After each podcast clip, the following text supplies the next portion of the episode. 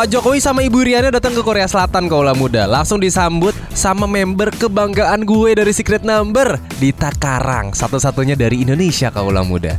Momen tersebut terekam di video yang diunggah di channel YouTube Sekretariat Presiden yang langsung viral di media sosial.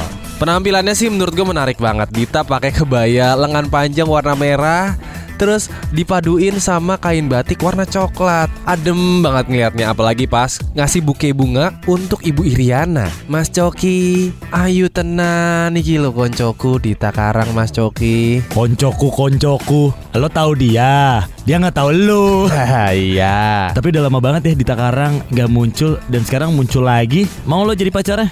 Ntar-ntar aja lah So kerja tuh. ganteng Jawabnya so ganteng Bu Riana juga kasih bingkisan gitu ke Dita kaula muda.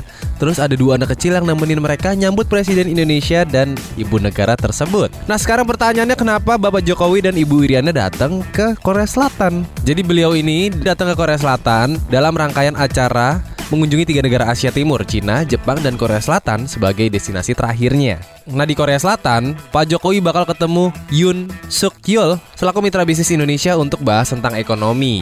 Semoga lancar-lancar ya Pak Jokowi dan semoga sukses terus untuk Dita Karang di Korea Selatan. Setuju deh sama kamu Setuju.